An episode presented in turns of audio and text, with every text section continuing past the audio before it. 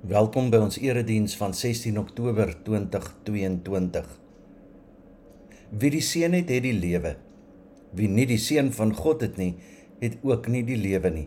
Hierdie brief skryf ek vir julle sodat julle kan weet dat julle die ewige lewe het, julle wat in die Seun van God glo. En nou kan ons met vrymoedigheid na God gaan. Amen. Ek groet julle in die naam van die Vader en die Seun en die Heilige Gees. Kom ons bid saam. Here, dankie dat ons weer eens die voorreg het om u woord te kan oopmaak en dit te kan lees en dat u deur die Heilige Gees ons kan aanraak sodat ons kan verander en kan groei en kan word wat u ons beplan het om te wees. Dankie dat u u woord vir ons gee wat so in mense taal met ons praat. Niks wegsteek nie.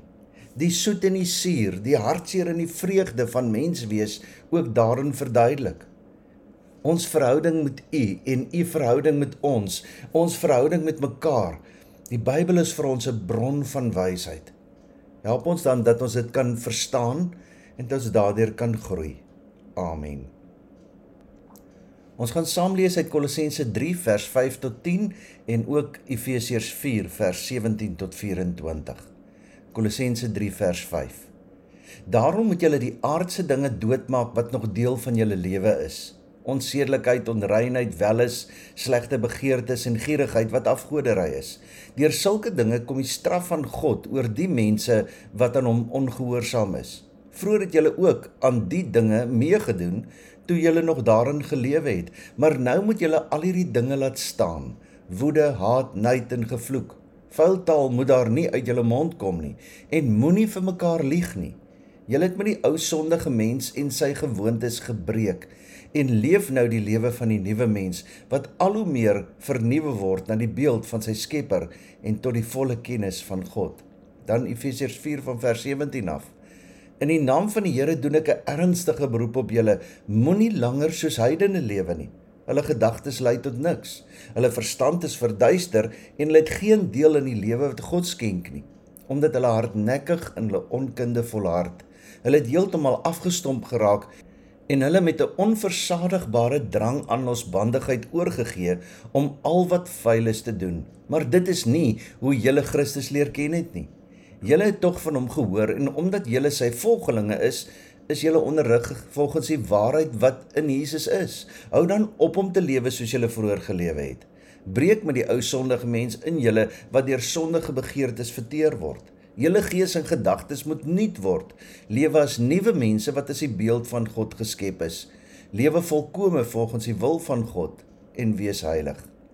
Is wonderlik hoe die twee gedeeltes bymekaar aansluit. Eintlik dieselfde sê. Wat is die mens se grootste behoefte? Ek dink die mens se grootste behoefte is om liefgehad te word of om aanvaar te word. Mense se lewens roep uit: "Kies my." Ons lewe in 'n wêreld waarin dit voel asof jy nooit goed genoeg sal of kan wees nie. Daar gaan altyd iemand wees wat vinniger, slimmer, ryker en meer suksesvol is as jy. En ongelukkig meet ons onsself gereeld of eerder altyd aan dit wat ons nog nie het nie of aan dit wat ons nog nie bereik het nie of dalk nooit sal bereik nie. Die wêreld kies altyd die wat beter is. En baie mense speel dan die belaglike onwenbare speletjie van keep up with the Jones. En omdat ek dit nie reg gekry nie, sien ek myself of my lewensmaat of my omstandighede as 'n mislukking. En so val ons al dieper en dieper in die gat van ek is nie goed genoeg nie. Ons grootste probleem is dat ons fokus en ons prioriteite verkeerd is.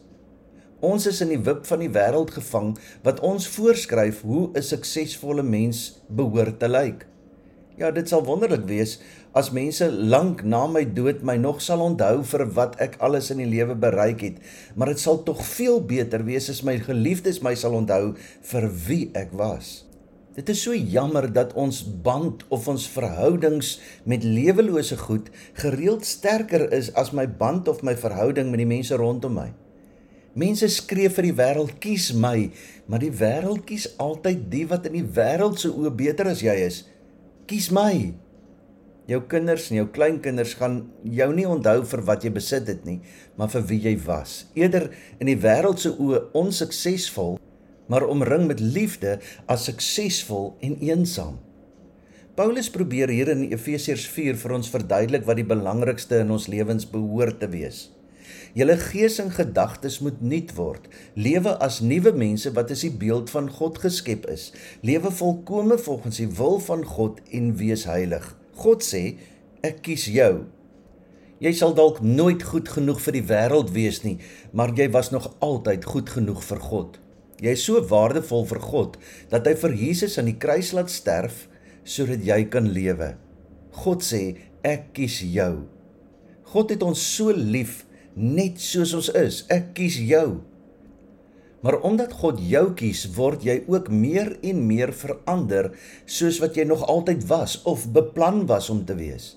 Julle gees en gedagtes moet nuut word. Lewe as nuwe mense wat as die beeld van God geskep is. Lewe volkome volgens die wil van God en wees heilig. Jy word nie verander of gemaak wat jy nie is nie. Jy word net weer afgestof. Al die plasties word van jou wese afgestroop sodat jy weer kan wees wat jy behoort te wees.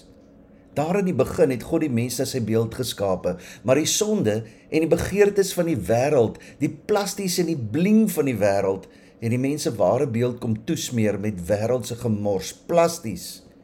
Die wêreld het die mens kom God maak. Nou sê Paulus, julle gees en gedagtes moet nuut word, lewe as nuwe mense wat as die beeld van God geskep is. Lewe volkome volgens die wil van God en wees heilig. Julle moet weer word wat God julle bedoel het om te wees, beeld van God. En dit laat my dink in Psalm 8 vers 4 tot 6. As ek u hemel aanskou, die werk van die vingers, die maan en die sterre waarin u 'n plek gegee het, wat is die mens dan dat u aan hom dink? Die mense kind dat u na hom omsien. U het hom net 'n bietjie minder as 'n hemelse wese gemaak en hom met aansien en eer gekroon. Ek kies jou, nie die plastiese jy nie, die ware jy. As ons sou dink dat God se liefde vir ons meer sou wees indien ons geloof sterker was, maak ons 'n fout. As ons dink dat God ons meer sal lief hê as ons nooit 'n fout sal maak nie, maak ons weer 'n fout. En as ons dink dat God se liefde vir ons dieper sou wees indien ons gedagtes dieper en reiner sou wees, maak ons 'n fout. Ons moenie God se liefde vir ons verwar met mense liefde nie.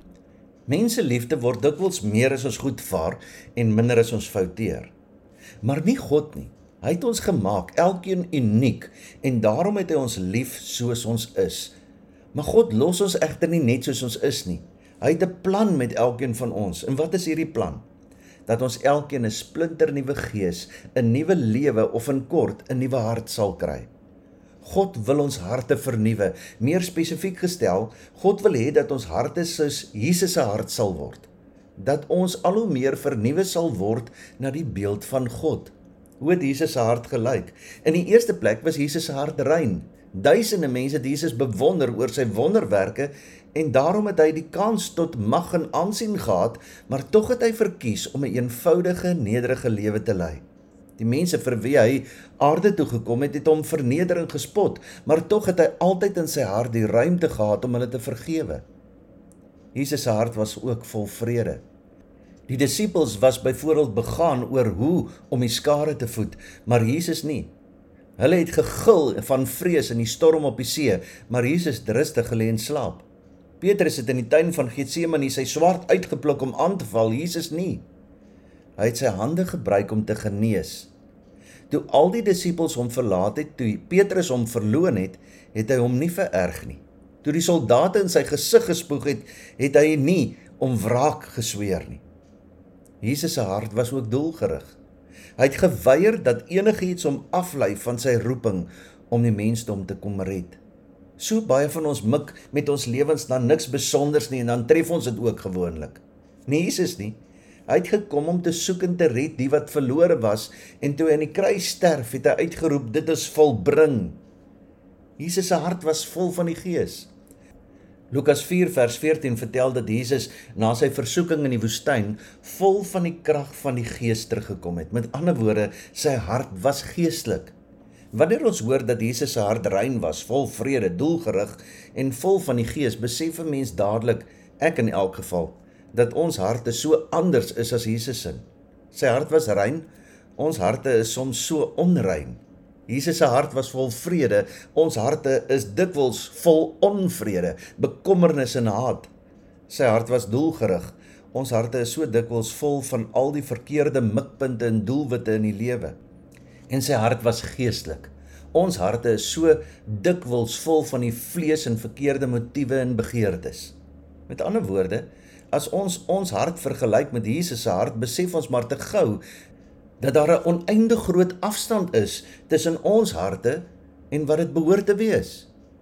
Hoe kan ons ooit 'n hart soos Jesus in kry? Die antwoord op hierdie vraag sal jou eintlik verras. Ons het dit eintlik reeds. Ons het reeds die hart van Christus in ons. Hoekom sê ek so? Omdat die volgende verse in die woord van God my eenvoudig net nie anders kan laat antwoord nie. Galasiërs 2 vers 20. Nou is dit nie meer ek wat lewe nie, maar Christus wat in my lewe. 1 Korintiërs 12 vers 3. Niemand kan sê Jesus is die Here nie behalwe deur die Heilige Gees. Met ander woorde, alleen omdat die Heilige Gees in my woon, kan ons bely dat Jesus ons enigste verlosser is. Efesiërs 1 vers 13. In Christus het die Heilige Gees wat deur God beloof is, julle as die eiendom van God beseël. Met ander woorde, hulle wat glo, het nie alleen die Gees ontvang nie, maar hulle het dit ontvang omdat hulle in Christus is of kom ons sê dit miskien net baie eenvoudig wie in Christus glo wie sy lewe aan Christus toevertrou het in so iemand het Christus deur die Heilige Gees kom woon daarom so iemand het reeds die hart van Christus ontvang maar as Christus dan reeds in my woon hoekom lyk my hart soos dit lyk hoekom lyk my lewe dan nie anders nie 2 Korintiërs 3 vers 18 Ons word al meer verander om in die beeld van Christus gelyk te word. Efesiërs 4 vers 23 en 24. Julle gees en gedagtes moet nuut word. Lewe as nuwe mense wat as die beeld van God geskep is. Lewe volkome volgens die wil van God en wees heilig. Hoekom is ek maar net nog dikwels wat ek is al wil ek graag so anders wees? Kom ek verduidelik dit met 'n storie. Daar was 'n vrou aan die einde van die vorige eeu wat in die kus van Iran gewoon het. Taamlik wel af, maar effens suinig. Baie was dus verbaas toe sy besluit het om een van die eerstes te wees om elektrisiteit in haar huis te laat installeer. 'n Hele paar weke later kom die meterleser en sien dat sy skaars enige krag gebruik het. En op sy vraag of alles reg is, het sy geantwoord: "Ja, maar ek sit elke aand net die ligte aan om die kersse aan die brand te steek en dan sit ek dit weer af." Met ander woorde, sy het krag beskikbaar gehad, maar dit nie gebruik nie. Haar huis het krag gehad, maar gedurende die donker aande was al die vertrekke steeds pikdonker. Sy was ingeskakel by die kragbron, maar alles het dieselfde gebly. Is dit nie ook hoekom ons soms is soos ons is nie? Ons is gered, ons glo dan. Jesus het in ons kom woon want ons glo. Hy het sy gees aan ons gegee want ons glo. Maar ons harte bly onveranderd. Ons vertrou Christus vir ons redding, maar ons wil steeds die plasties en die bling van die wêreld ook hê. Jesus is ons kragbron. En so nou en dan skakel ons die skakelaar aan, maar ons is meestal tevrede met die skadu's.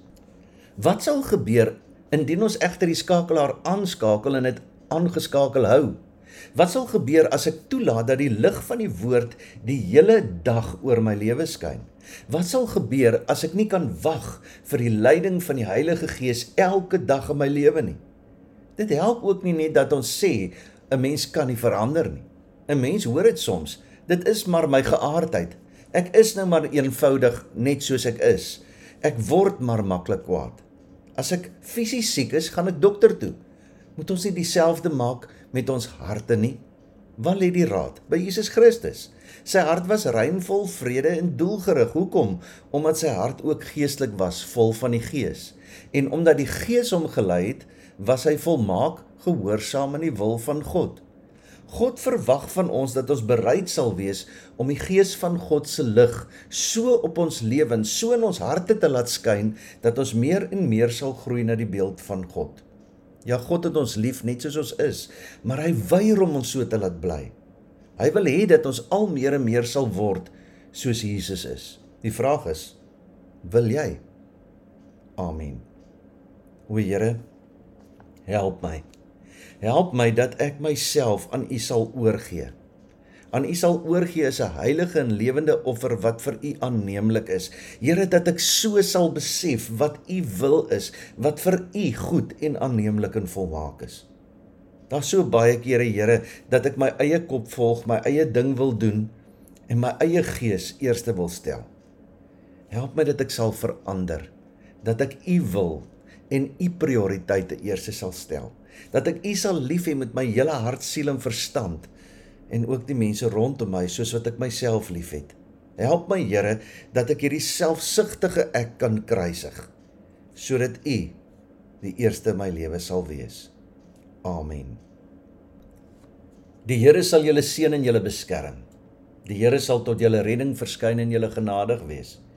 Die Here sal julle gebede verhoor en aan julle vrede gee. Amen. With